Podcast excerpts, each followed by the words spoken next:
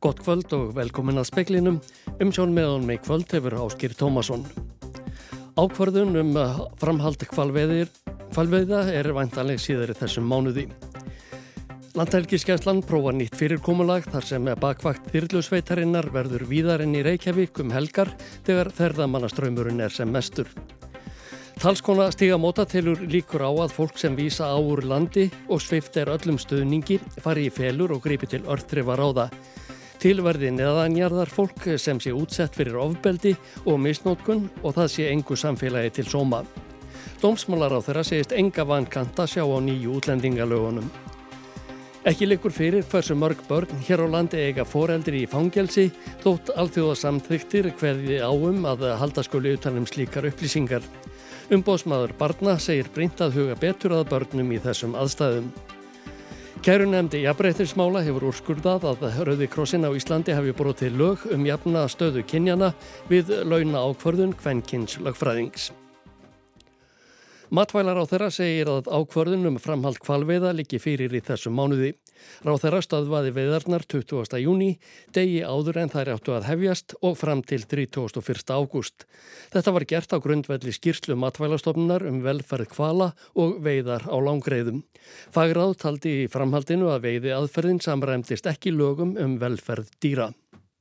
Það eru starfshópar sem eru að störfum eins og var bóðað þannig að það í raun og veru stendur yfir núna og, og samstarfið elenda sérfræðinga líka um þær mögulegu ábendingar sem hafa komið frá fyrirtækinu. Þannig að það er svona allt til skoðunar og, og vinnan er á fullu og hefur verið alveg frá í júni.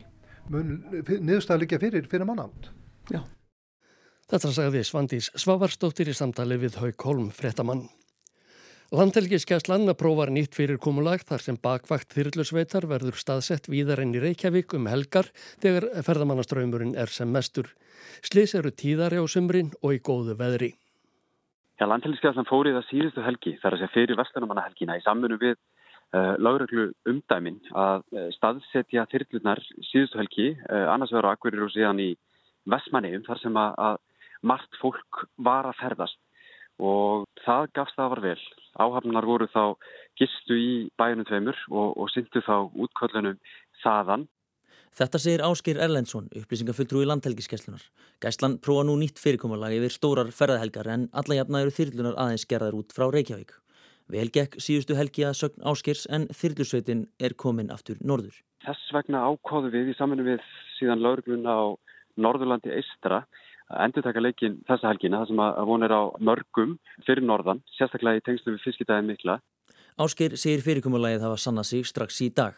Í dag er þyrlusveitin til dæmis búin að sinna þremur útköllum og, og sem dæmi, þyrlan sem var á leiðinni norður, hún var kölluð út bara um það leiti sem að, áöfni var að gera sig klára til þess að, fljúa norður Akureyri. Hún flutti eitt frá hotströndum inn á og Akureyri og þegar hún var á leiðinni þanga þá barst annað útkall vegna mann sem að slasaðist í miklum bratta og fjallendi á tröllaskaða. Aug útkallana fyrir norðan í dag varð alvarlegt velsliðaslís við langjökul. Því voru báðar þyrlur gæslunar í útkalli um tíma. Áskir bendir á að slís séu tíðari á sumrin og sérlægi þegar veður er gott þegar að veðrið er gott, að þá er fólk á ferð og flugi og þá eru því miður meiri líkur á því að, að slísin verða.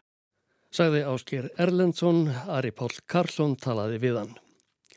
Guðrún Hafsteinsdóttir, dómsmálar á þeirra segist enga vankanta sjá á nýju útlendingalögunum. Það sé alveg skýrt að fólki sem hefur fengið sinjun eftir efnislega meðferð á málum sínum beri að fara á landi. Málinn vandist þegar engir samningar séu við móttökuríki og fólk skorti ferðaskilríki. Þetta er sem betur fer ekki svo stór hópur en sem komið er en þetta er eitthvað sem við verðum að finna að lausna.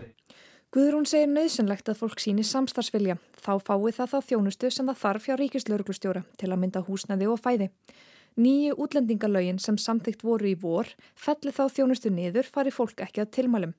Fólk sem hafi fengið sinjunum dvöl á Íslandi á tveimur stjórnsýslu stegum sé í ólögmætri dvöl í landinu. Því ber að fara frá landinu, því ber að sína samstarfsvilja og þá eru Íslands stjórnvöld tilbúin til þess að veita fólki allafa aðstóð fram að brottur. Guðrún segist ekki telja að gallar á nýju útlendingalögunum séu komnir í ljós. Þau séu að raungerast núna og stjórnvöld séu rétt byrjuð að vinna eftir þeim. Auðvitað getur komið eitthvað upp einhverji vankantar sem við munum þá bara horfa til og snýða til en ég tel svo ekki vera. Þetta sagði Guðrún Hafsteinsdóttir, Caritas M. Bjarkadóttir tók saman. Fjallað verður frekarum áhrif útlendingalagana síðar í speklinum. Hleðslustöðvar fyrir rámagsbíla í Danmörku eru orðnar tvöfalt fleiri en þar voru fyrir ári. Danska ríkisútvarpið greinir frá þessu og hefur eftir samtökum bifriða innflytjanda í danske bílimpörteri. Í frett samgöngur áður nettir sinns danska segir að hleðslustöðvar séu orðnar aðgengilegar í öllum sveitarfélögum. Í júli fyrra voru stöðvarnar 6.779 en eru orðnar 13.641. Það þýðir að í loku júli var 11,1 rafbíl um hverja hlæðslustöð í Danmörku. Hlutfall hlæðslustöðva fyrir hverja þúsund íbúa er hæst á Fríðriksbergi og á Fanu. Framkvæmdastjóri Íslandsjóða, eiganda Íslandsbankahúsins á Kirkjusandi í Reykjavík segir að niðurrið þess hefjist í haust. Endanlegt deiluskipulags sé loksins tilbúið. Íslandsjóður sendu einn beinu um niðurrifsheimild í gær. Tvísvar áður hefur verið sótt um heimildina en komið í ljós að breyta þurfti deiluskipulagi. Kjartan Smári Höskuldsson, framkvæmdastjóri Íslandsjóða, segir þær breytingar orðnar endanlegar og nú þurfi aðeins að býða eftir samteki niðurrifsheimildarinnar. Þetta er allt saman orðið hérna full frágengið á öllum stöðum. Þannig að við allavega sjáum ekki títi fyrir stöðu en á, á næsta fundi skipulags yfirvalda að þá fáum við bara þessa heimild og, og getum farið í að rífa þetta hrætt og vel. Við erum að vonast til að komast inn á næsta fund sem er á þriðdægin en þeir eru reglulegi fundir þannig að þetta allavega skýrast fyrir mánaðamátt. Neðurif húsins hefur staðið til í mörg ár. Skrifstofur Íslandsbanka fluttu þaðan árið 2017 og síðan hefur húsið sem er illa farið af rakaskemdum og miklu drappast niður. Þetta hefur valdið íbúum í nákvæmni húsins ama og ljóst að mörg býða þess með óþreyju að húsi verði rifið. Kjartan segir skipulagsferðlið og samþygt ný skipulags hafa tekið ofan í langan tíma.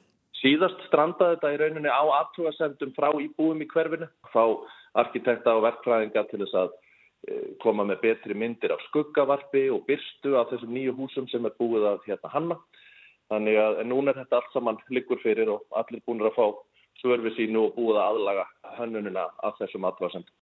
Neðurifið er því loksins í auksín. Já, þegar að heimildin er komin þá þarf við að finna verktaka sem að sér um að rýfa húsið og, og, og farga hérna, niðurifsefnum og, og flokka og slikt. Þannig að það tekur vægt að lengur að vikur en, en vonandi með haustinu að þá, þá getum við bara ráðist í þetta verkefni. Þetta var Kjartan Smári Höskuldsson, Caritas M. Bjarkadóttir rætti við þann. Kærunemnd jafnbreytismála hefur úrskurðað að Rauði Krossin á Íslandi hafi brotið lög um jafnastöðu kynjana við ákvörðunum laun kvenkins lögfræðings. Fleiri konur telja á sér brotið. Kristín Hjálmtísdóttir, framkvæmda stýra Rauða Krossins, segir svona mál óheppileg. Kristín segir að Rauði Krossin hafi tekið mál konunar sem kerði föstum tökum. Sambarilegar kvartanir tvekja kvenna komið sér verulega á óvart. Þessi starfsmenn, talsmenn Rauðakrossins á sínum tíma uh, hættu lögustörfum hér hjá okkur. Uh, þá við hefum verið bara í góðu sambandi við, starf, við, við það starfsfólk og, og starfslók og allt. Þannig að við uh, rauninni er þetta bara mál sem við bara þarf að líta betur yfir og um, þarf að hafa samband við starfsfólki bara eftir helgi Kristín segir að Rauðikrossin á Íslandi hafi brugðist við eftir að mál konunar kom fyrst upp og meðal annars fengið jafnlaunavottun undan farin þrjú ár. Í úrskurðinum kemur fram að konan sem kerði hafi ekki verið svo eina sem upplifði kynbundin launamun á vinnustafnum. Segir að aðrar konur hafi einnig óskað eftir launalegreitingu en fengið sinjun. Samkvæmt heimildum fréttastofu störfiðu þrýr kvenkins lögfræðingar hjá Rauðakrossinum á umrættum tíma. Þær fengu allar greitt lægri laun en Karlkins samstagsmaður þeirra. Kristinn segir Rauðakrossin hafi leiðirétt og farið yfir alla ferla. Ætlunin sé að koma í veg fyrir að sambarileg mistök verði gerð aftur. Að sjálfsögðu tökum við aðtóðsendum og, og, og öllu því bara við tökum það til okkar og, og lítum í eigin rann og bætum úr þar sem þarf að bæta úr. Silja Bára Ómarsdóttir hefur verið formaður Rauðakrossins frá árinu 2022. Hún er jafnframt formaður jafnbreytisráðs, skipuð af Katrínu Jakobsdóttir forsætisráð þeirra. Jafnbreytisráði er ætlað að leggja áherslu á jafna stöðu kynjana á vinnumarkaði. Ekki náðist í Siljubáru við vinslu fréttarinnar. Ástrós Signýjardóttir tók saman.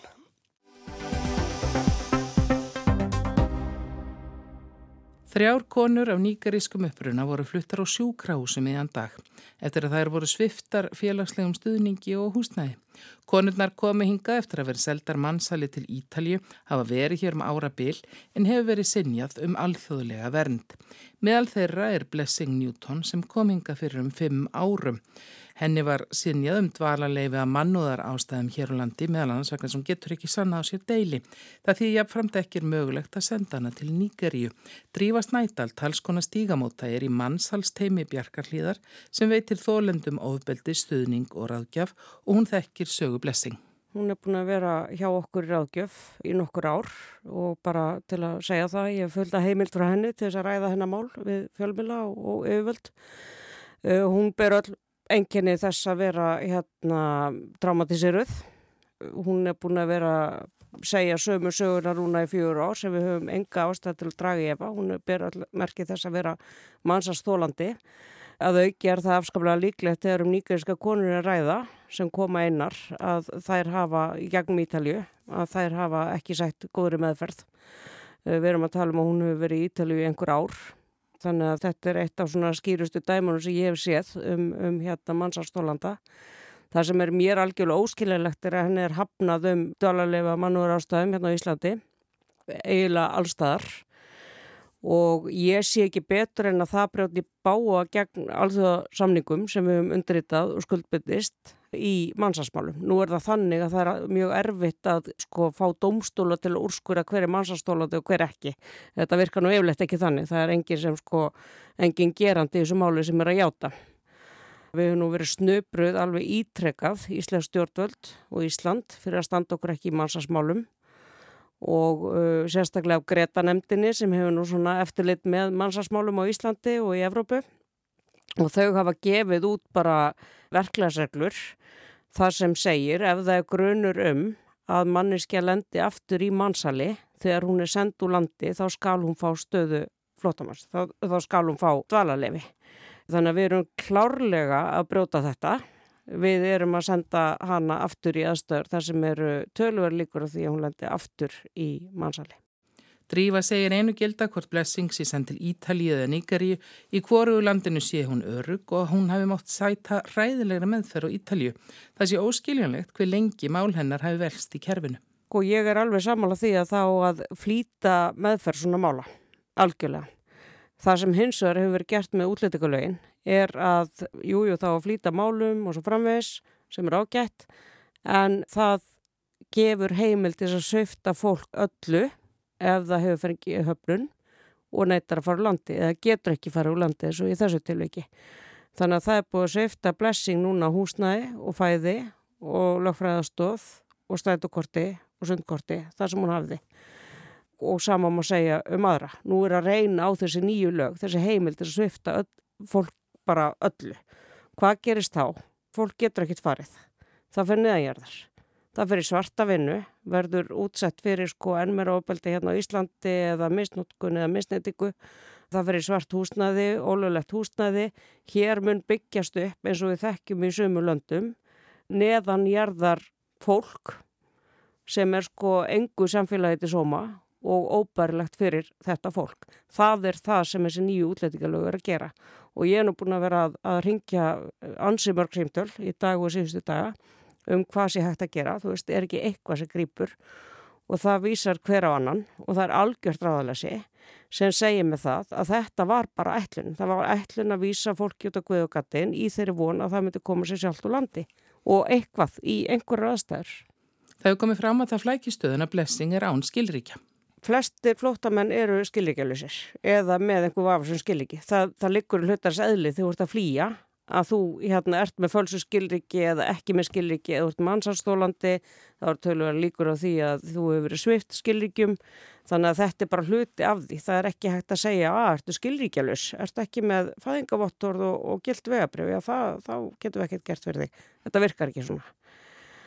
Og þetta er alltaf bara svo, bara sem manniska er þetta svo óskiljalegt þegar við erum hérna að flytja inn fólk í stríðum ströymum til að vinna störf hérna í Íslandi sem það er að vinna með annari hendinni og með henni eru að leggja ótrúlegan tíma, orku og peninga í að vísa fólki úr landi sem vil sannlega vinna og á sér engan annan draum en að vinna og borga skatta og fá bankarekning og geta staðundi sjálfur sér og lifa í friði.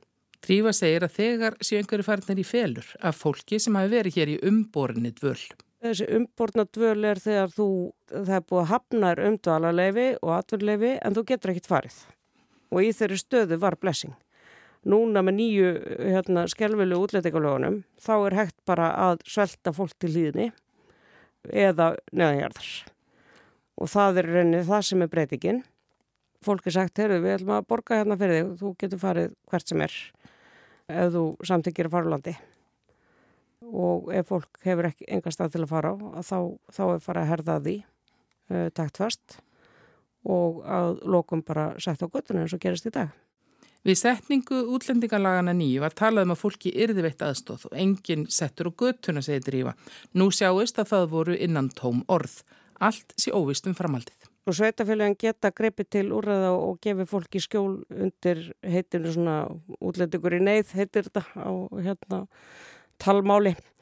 En þau fá það endur greitt frá ríkinu og það er alls óvist hvort að það sé að ríki samþykki það að endur greiða sveitafélagunum fyrir þessa aðstóð þannig að þetta er bara allt í óvissu og borgin veit ekki neitt og, og, og ríkið og, og það, er bara, það er bara komið að loku um dyrum allstar sem segir mér það, þekkjandi þetta kerfi að það á ekki að gera neitt. Við höfum óbúslegt óþól fyrir svona langtíma áhrifum rétta þannig að eftir einhver tíma þá verður þetta einhverju söði í hugum fólks sem er miður. Það verður hins vegar að reyna að hrista upp í kerfinu, gera fólki grein fyrir því hvað ákvarðanum var verið að taka með setningu nýju útlýtingalagana að því að þessi vandi er ekki fara frá okkur og hættan er náttúrulega þegar fólk verður örfandikafullt en eðanjarðar hefur enga pappir að það grýpur til örþri á ráða til að sjá fyrir sér og sínum þá vaks útlendingahattur það er hægt að gera það með mannulegri hætti. Þetta sagði Drífa Snædal, talskona Stígamóta. Anna Kristín Jónsdóttir talaði við hana.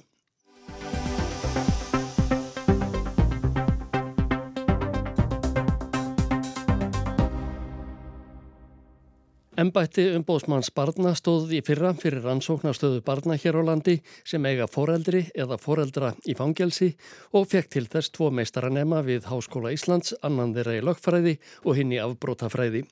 Speillin indi Salvur Nordal umbóðsmann barna eftir helstu nýðurstöðum þessar rannsóknar. Einfalda svari er það að, að þessi hópur hefur alveg verið eiginlega skilin út eftir útundan. Það hefur ekki verið hugað að því hvernig við getum tryggt réttindi barna í, sem er í þessari stöðu.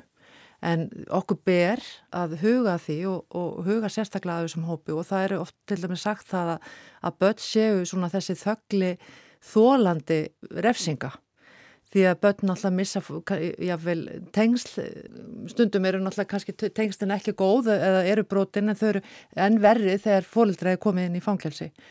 Og þannig að við gerðum þessar ansók bæði svona lögfræðilega og, og út frá aðbrotafræðinni og skoðum líka hvernig þetta er gert í, á Norrlöndunum og það er ímislegt þarna sem það, við þurfum að huga að. Það er til dæmis heimsóknatími hvernig getum við tryggt það að börn haldi þessum tengslum og það kom í ljós til dæmis að heimsóknutími til dæmis í eitt fangilsana, lokuðu fangilsana var á skólatíma sem er náttúrulega blasið við að, hendar börnum ekki.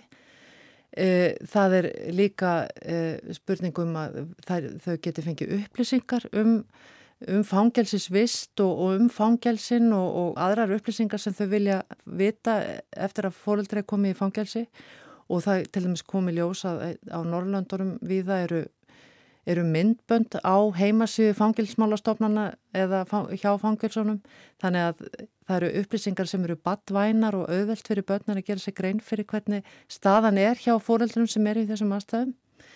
Þannig að það er ímislegt og eitt til dæmi sem kom okkur mjög óvart eh, svona grundvallaratrið, það er mjög erfitt að átta sig á því hvað þessi hópur er stór og þetta er auðvitað líka vitu við bara frá rannsóknum að er mjög viðkvamur hópur og er í mikill áhættu.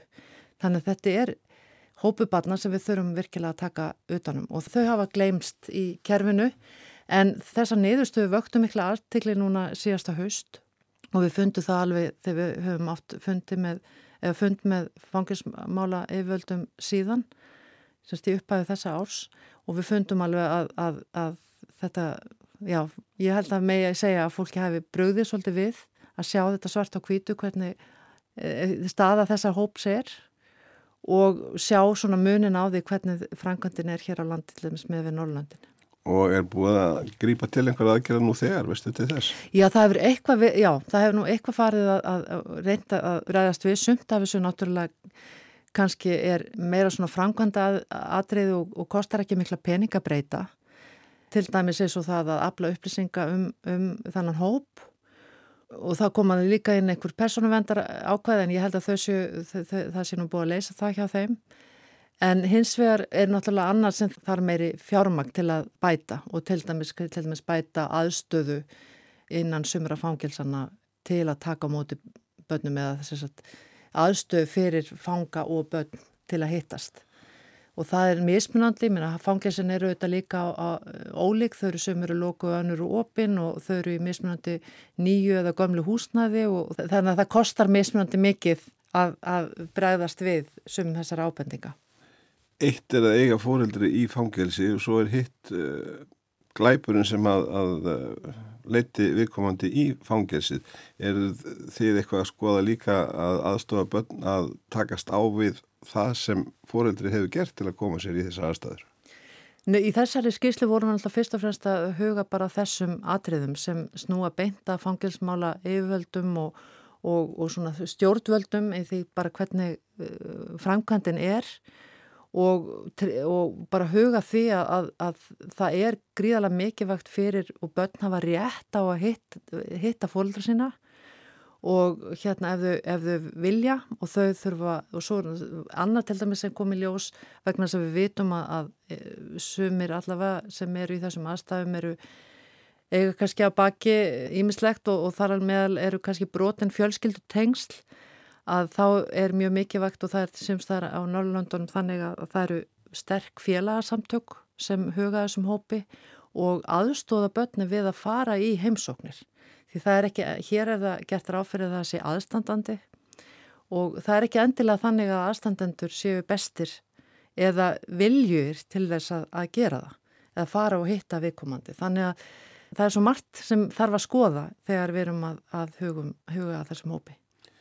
Er ekki eitt af því mynd, uh, það sem ég myndist á hér aðan að takast á við það sem að við komandi gerði til þess að komast í fangilsi þetta er náttúrulega mjög misalvarlega brot og, og mjög mismunandi toga mm. og hlýtir að vera svolítið erfitt fyrir börn í mörgum tilfellum að einfallega takast á við hvað pappið mm. eða mamma hefur gert af sér og það hlýtur að vera mikilvægur líður í því að skila helbriðum einstaklingum út í samfélagi eða hjálpa þessum börnum að takast á þetta. Er þetta eitthvað sem að umbóðsmaður barna þarf að huga eða einhver annar?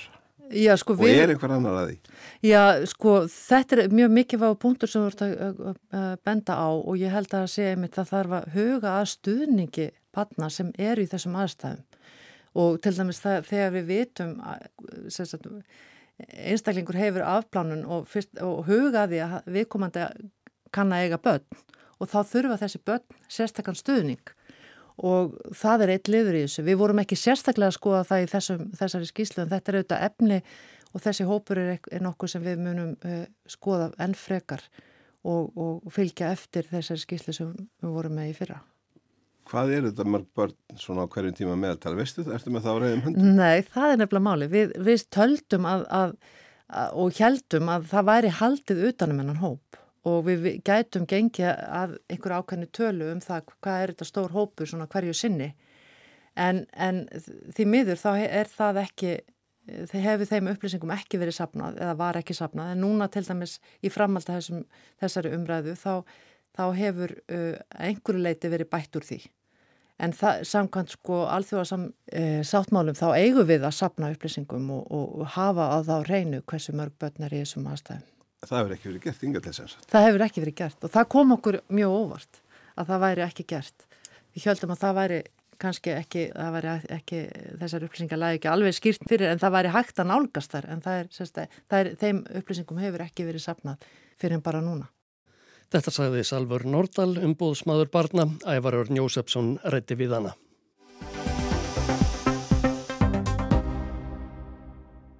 Æðstu herfóringjar í ríkjum Vestur Afríku ætlað hittast á morgun í Akkara, höfðuborga Ghana, til að ræða valdaránið í Níger. Til fundarins er bóðað svo fylgja megi eftir ákvörðun leðtóa ECOVAS ríkjana svonemdu, efnahagsbandalags Vestur Afríkuríkja frá því í gær um að setja herlið ríkjana í viðbræðstöðu vegna valdaráns hersins í Níger í síðasta mánuði.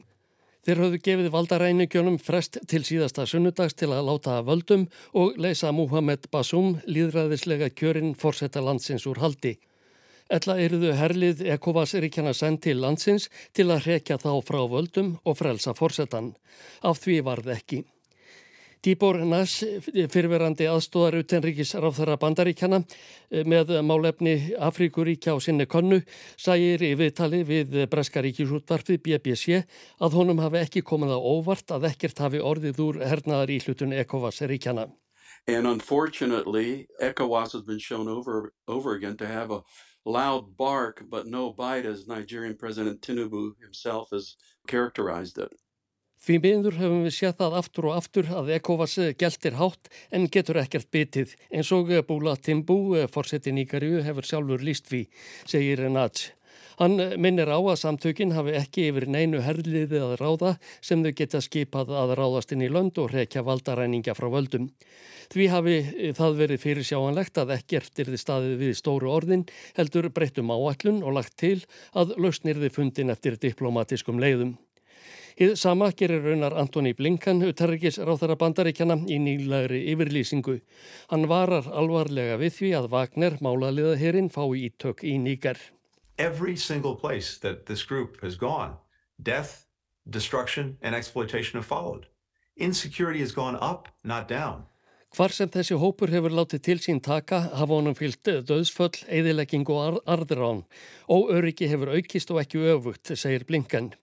Hann lýsir yfir stöningi við viðleitni að Kovaceríkjana til að koma fórseta landsins til valdaða nýju en nefnir ekki hvort hann telli að hernaðar aðgerðir komi til greina. Frakkar, hinnir gömlu nýlendu herrar í Níker hafa aftur á móti líst yfir afdráttarlausum stuðningi við að herrablinn í bandalagsríkjónum verði eldur.